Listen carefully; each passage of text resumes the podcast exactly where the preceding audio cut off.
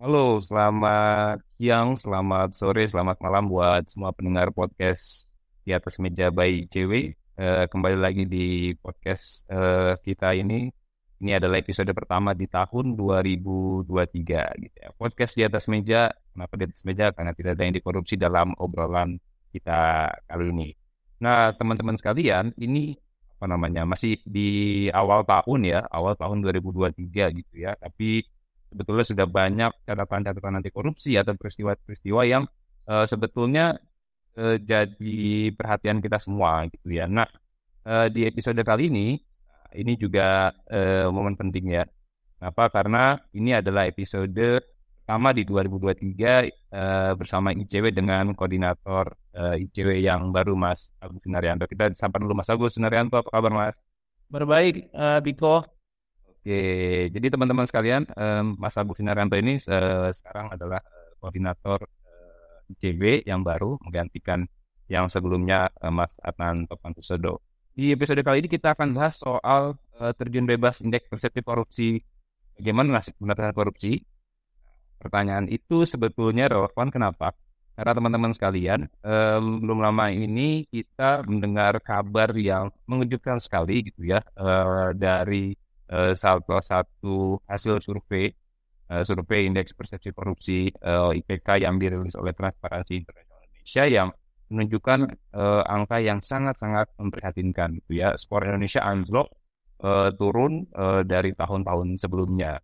Nah di periode sebelumnya gitu ya di bulan Januari ICW juga sempat merilis nih beberapa catatan anti korupsi ya Salah satunya itu soal uh, outlook pemberantasan korupsi tahun 2023 yang secara umum bilang bahwa tahun 2023 ini uh, dikatakan sebagai uh, berpotensi terjadinya kemunduran demokrasi dan tentunya agenda pemberantasan korupsi gitu ya. Itu itu uh, merupakan catatan refleksi yang cewek uh, keluarkan di awal tahun uh, melihat dari peristiwa yang terjadi di tahun 2022 dan apa potensi yang kemudian akan terjadi di tahun 2023 2023. Nah, kita akan ngobrol sedikit uh, mengenai isu anjloknya indeks persepsi korupsi Indonesia dan juga catatan ICW soal pemberantasan korupsi bersama Mas Agus Sunaryanto. Nah, Mas Agus Sunaryanto, ini tadi saya udah buka dengan bilang bahwa uh, terjun bebas indeks persepsi korupsi dan juga uh, dalam catatan ICW um, sebetulnya hal ini sudah diproyeksi gitu ya dari refleksi yang terjadi gitu ya.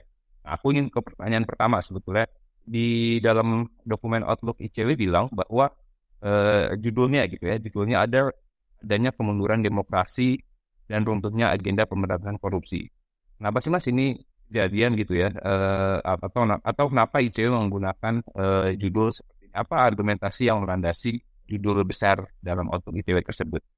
Ya, uh, terima kasih Piko dan salam untuk uh, semua sahabat ICW di mana pun berada terkait dengan eh, tema soal kemunduran demokrasi dan tentunya agenda korupsi yang tadi disampaikan sebenarnya ini bagian dari refleksi kami terkait dengan agenda terkait dengan pemberantasan korupsi yang terjadi di tahun 2022 dan bagaimana kami berusaha untuk memproyeksikan tantangan pemberantasan korupsi di tahun 2023 saat ini. Nah, kami memang mencatat setidaknya ada tiga hal besar yang menjadi kajian kami. Pertama terkait dengan uh, demokrasi, kemudian terkait dengan tentunya agenda pemberantasan korupsi dan menurutnya komitmen tata kelola pemerintahan yang baik. Nah, terkait dengan kemunduran demokrasi ini sebenarnya refleksi dari apa yang terjadi tahun 2022 dan sebelum-sebelumnya bagaimana politik legislasi yang dilakukan oleh pemerintah bersama DPR dalam menyusun berbagai undang-undang kami anggap lebih merefleksikan kepentingan elit dibanding kepentingan publik.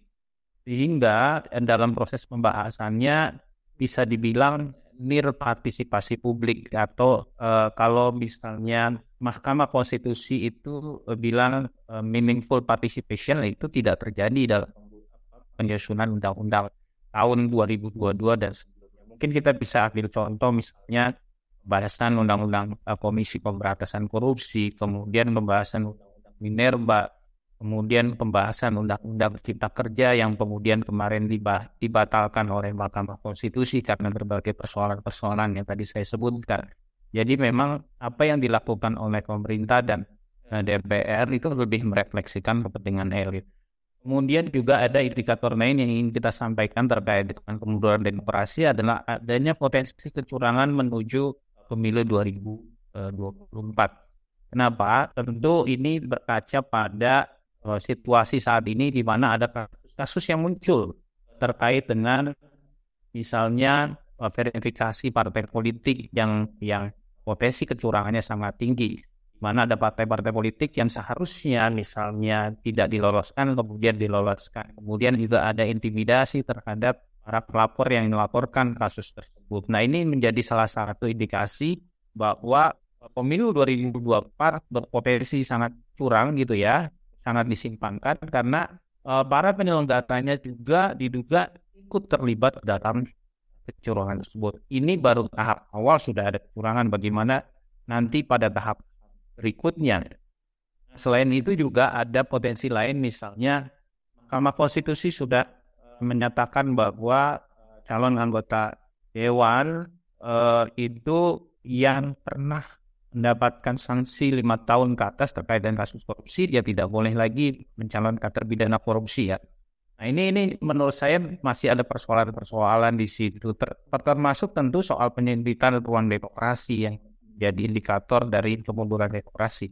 Di mana sampai saat ini belum ada penyelesaian yang baik terkait dengan berbagai kasus-kasus yang menimpa uh, para aktivis misalnya ada upaya pembukaman, ada upaya hacking, doxing, kriminalisasi, dan sampai saat ini upaya-upaya dilakukan oleh orang-orang tertentu atau kelompok-kelompok tertentu yang melakukan hacking, doxing terkait dengan aktivis itu sampai saat ini belum belum uh, ada kejelasan. Jadi rasanya ini yang kemudian membuat demokrasi kita juga menurun ya. Nah itu kaitannya dengan kemunduran demokrasi. Kemudian bicara soal uh, agenda pemberantasan korupsi rasanya juga apa yang kami lakukan misalnya melakukan kajian analisis terhadap kasus-kasus korupsi yang ditangani oleh oleh aparat penegak hukum baik itu kejaksaan, kepolisian atau komisi pemberantasan korupsi itu ada kecenderungan semakin meningkat.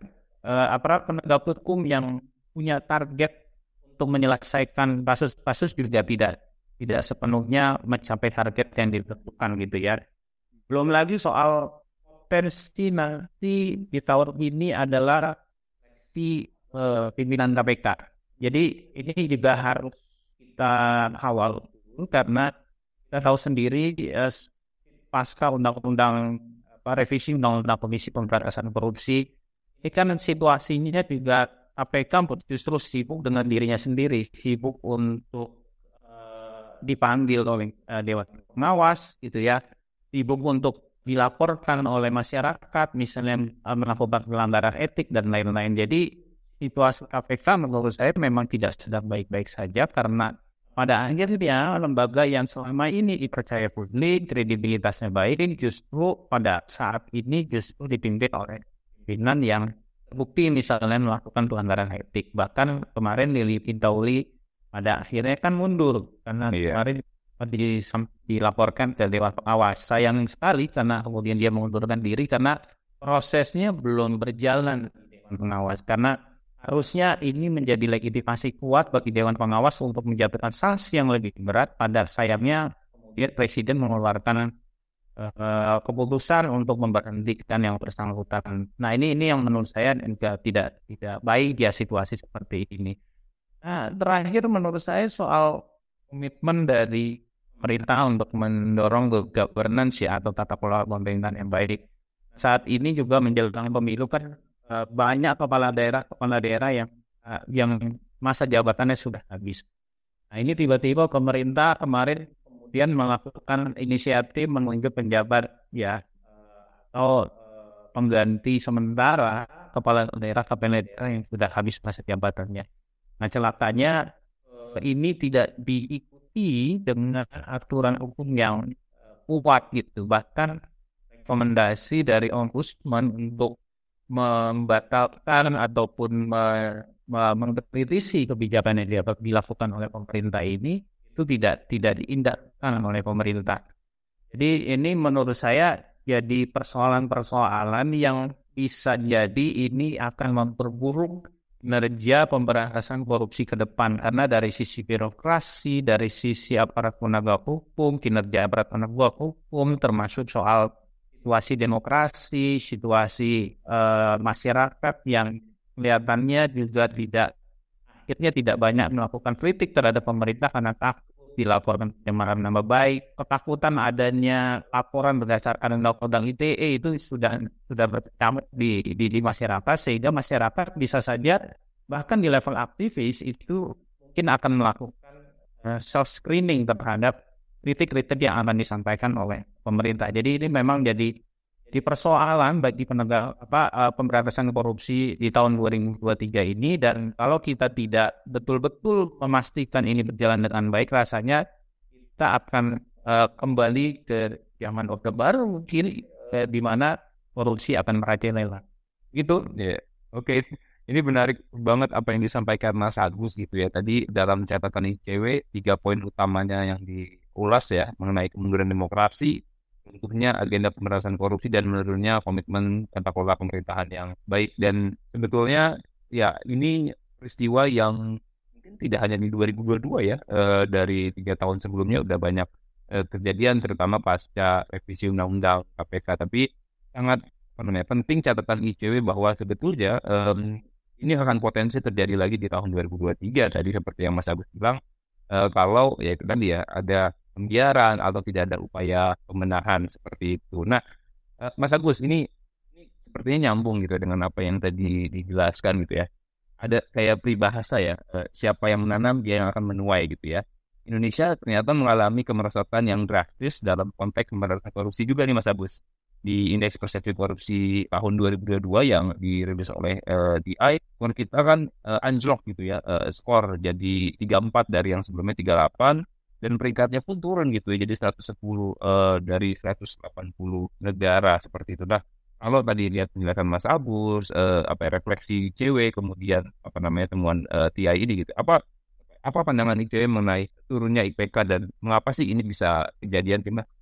Persepsi internasional terkait dengan situasi korupsi di Indonesia yang terrefleksi dalam indeks persepsi korupsi 2022 ini sebenarnya seperti memanen apa yang ditanam gitu ya. E, jadi pemerintah Indonesia atau pemerintah Jokowi dalam hal ini sebenarnya kalau kita mau melihat pada awal masa pemerintahan Jokowi di, di tahun 2014 seingat saya PK-nya juga tidak jauh berbeda dengan saat ini. Artinya dulu pada tahun 2014 si PK-nya pada saat itu memimpin 3,4. Kemudian sekarang di penghujung pemerintahan Jokowi dari uh, 38 skornya kemudian kembali ke 34 itu artinya kan kembali ke titik nol. Pom mulai dari nol lagi gitu. Karena situasi situasinya memang seperti yang tidak jauh berbeda seperti apa yang saya sampaikan tadi bahwa banyak persoalan-persoalan dari sisi politik dan dari sisi penegakan hukum gitu ya dari sisi reformasi birokrasi yang sebenarnya tidak tidak uh, cukup efektif berjalan gitu ya.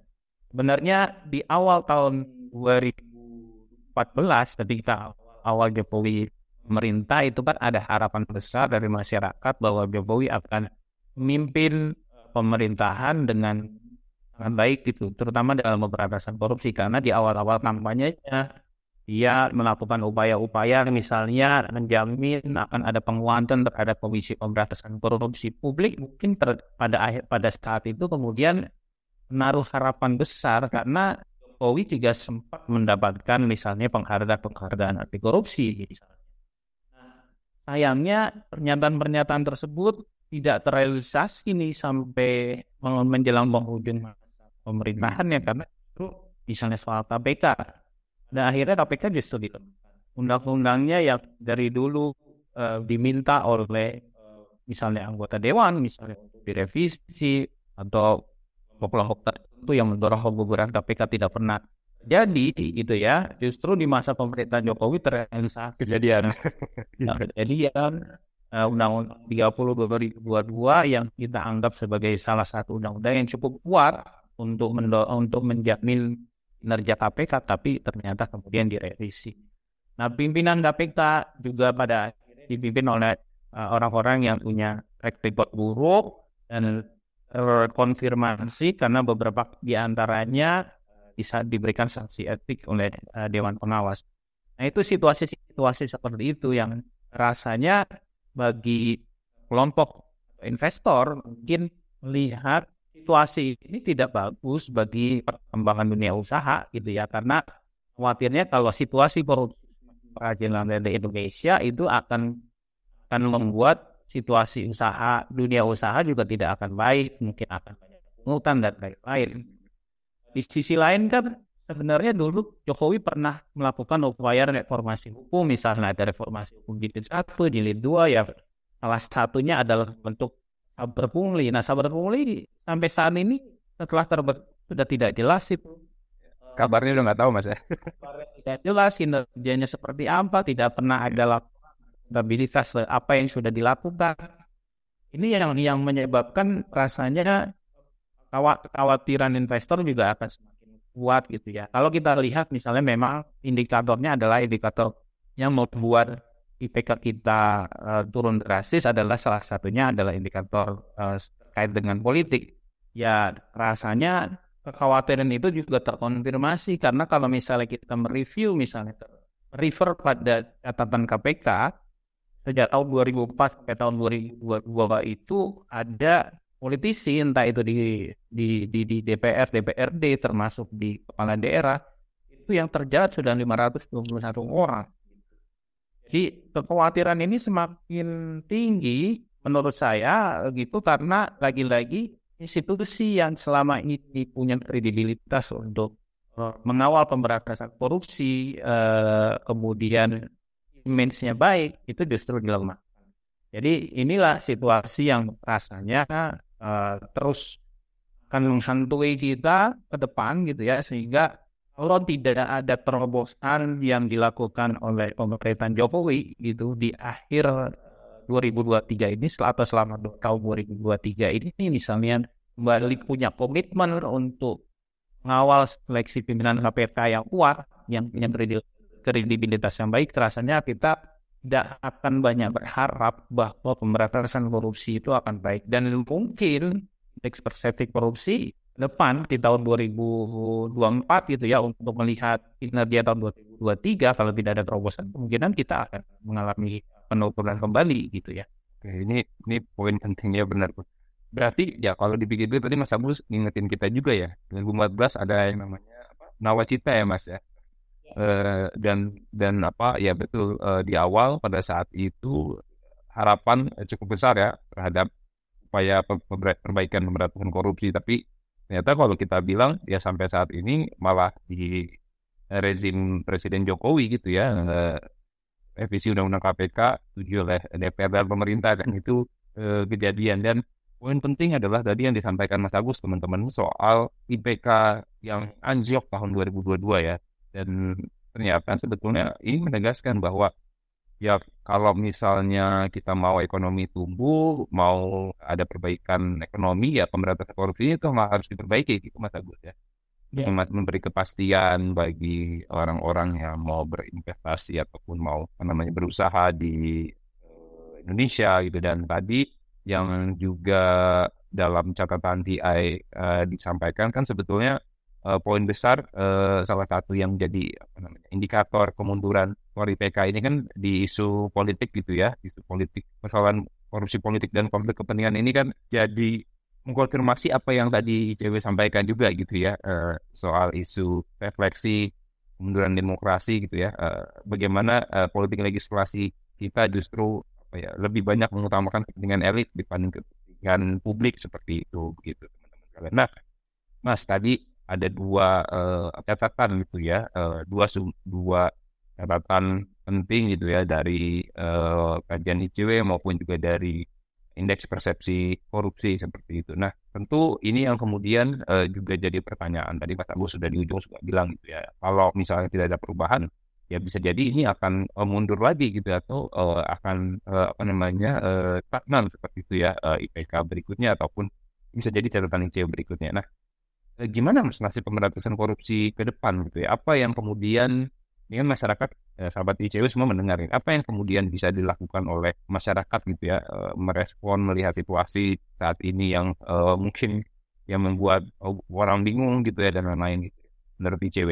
Ya, situasi saat ini menurut saya memang uh, sedang tidak baik-baik saja dan pada titik tertentu agak mengkhawatirkan bagi pemberantasan korupsi karena situasi demokrasi juga tidak cukup baik di mana ada hacking, doxing dan lain-lain gitu ya termasuk soal kriminalisasi, laporan-laporan ke penegak hukum atas apa yang dilakukan oleh uh, aktivis pemberantasan korupsi seperti Haris Azhar misalnya dan uh, Patian. Nah ini tentu uh, pada titik tertentu kita tidak bisa pungkiri akan berpengaruh secara psikologis pada teman-teman aktivis anti korupsi juga terhadap masyarakat. Dan hal uh, kita berharap betul masyarakat pada saat ini bersama para aktivis dan lain-lain kelompok pro demokrasi itu bisa bergandeng tangan itu untuk mengawal satu proses pemilu 2024. Eh, Kemudian kedua rasanya kita tidak bisa terlalu banyak berharap kepada pemerintah untuk melakukan terobosan-terobosan gitu ya. Kalau kita hanya diam saja. Artinya kita tetap harus e, memosisikan diri untuk kritis dan mengontrol setiap kebijakan yang dilakukan oleh pemerintah. Baik itu terkait dengan pemilu, baik itu terkait dengan seleksi-seleksi pimpinan lembaga-lembaga kuasi negara yang dalam komisi pemberantasan korupsi gitu ya. Kalau tidak diawasi itu akan diduduki oleh orang-orang yang mungkin punya track record buruk. Mungkin sebenarnya tidak punya komitmen jelas terhadap pemberantasan korupsi sehingga rekam jejaknya harus di, di, dipublis oleh masyarakat gitu kita ketahui oleh masyarakat kita sampaikan kepada misalnya panitia seleksi. Karena kalau dari awal kita diam saja, kemudian diambil oleh orang-orang yang tidak jelas tersebut, ya kita sendiri yang artinya bukan berarti kita bukan bukan soal nanti hasilnya akan baik atau tidak gitu, tapi prosesnya kita harus eh, berkontribusi agar partisipasi itu bisa terjadi. Itu terkait dengan lembaga kuasi negara. Kemudian terkait dengan uh, pemilu kalau kita juga tidak awasi kita uh, diamkan saja itu artinya mungkin kita akan hanya memberikan legitimasi terhadap elit-elit yang akan menduduki jabatan-jabatan penting di negara ini. Jadi penting rasanya juga kita mengawasi proses itu, mendorong para calon itu bicara program. Saya kira program anti korupsi ke depan seperti apa? Kira-kira program mereka untuk melindungi hak asasi manusia, sumber daya alam yang berlimpah di Indonesia itu seperti apa. Kalau ternyata mereka tidak punya program yang jelas, jangan dipilih gitu ya. Kita punya opsi-opsi lain gitu untuk melakukan atau mendorong pemimpin-pemimpin kita ini punya komitmen yang lebih, misalnya dengan mendorong politik dan lain-lain. Artinya kalau kita tidak melakukan itu, sekali lagi saya tidak berharap nanti eh, akan ada perubahan Masuk tentu kait dengan masa depan pemberantasan korupsi. Kalau kita diam, tidak akan terjadi apa-apa. Jadi pemberantasan korupsi hanya pemberantasan mungkin hanya formalistik saja bahwa nanti akan ada tetap akan ada orang-orang yang ditersangkakan yang akan menjadi terpidana tapi orang-orang tersebut sebenarnya bukan mastermind tokoh utamanya. Jadi mungkin hanya akan ada pelaku-pelaku kelas bawah atau plus middle tapi orang yang behind the gun-nya yang paling bertanggung jawab mastermind-nya itu mungkin akan mau.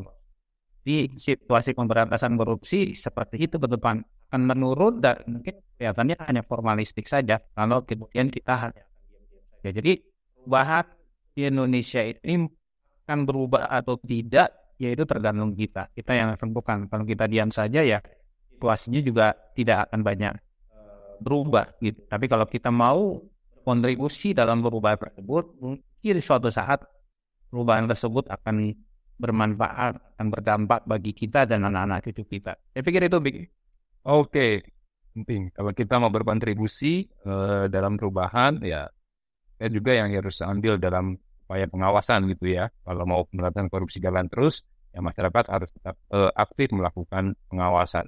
Terima kasih Agus. Nah teman-teman, ini ke bahasan yang sebetulnya sangat-sangat menarik dan kontekstual hari-hari ini gitu ya. Karena ternyata banyak ya buntut-buntut yang kemudian namanya mengkonfirmasi temuan ICW, temuan TI gitu ya dari IPK maupun catatan uh, untuk pemberantasan korupsi. Tapi uh, kita akan membahas itu dalam uh, topik-topik berikutnya termasuk juga yang mungkin jadi apa namanya perbincangan di masyarakat saat ini soal uh, isu LHKPN. Nah, mungkin kalau teman-teman tertarik ataupun ada uh, ide bahasan lain yang kira-kira bisa diangkat dalam podcast ini bisa dituliskan di dalam kolom komentar Oke, sekali lagi terima kasih banyak uh, Mas Agus dan itu tadi teman-teman uh, apa yang ICW sampaikan ya mengenai uh, indeks persepsi korupsi uh, Indonesia dan bagaimana nasib pemberantasan korupsi ke depan seperti itu. Sekian dari kami, sampai jumpa lagi di podcast uh, episode berikutnya. Selamat siang, selamat uh, malam, ataupun selamat pagi gitu ya. Sampai jumpa lagi. Makasih semuanya. Sampai jumpa teman-teman semua.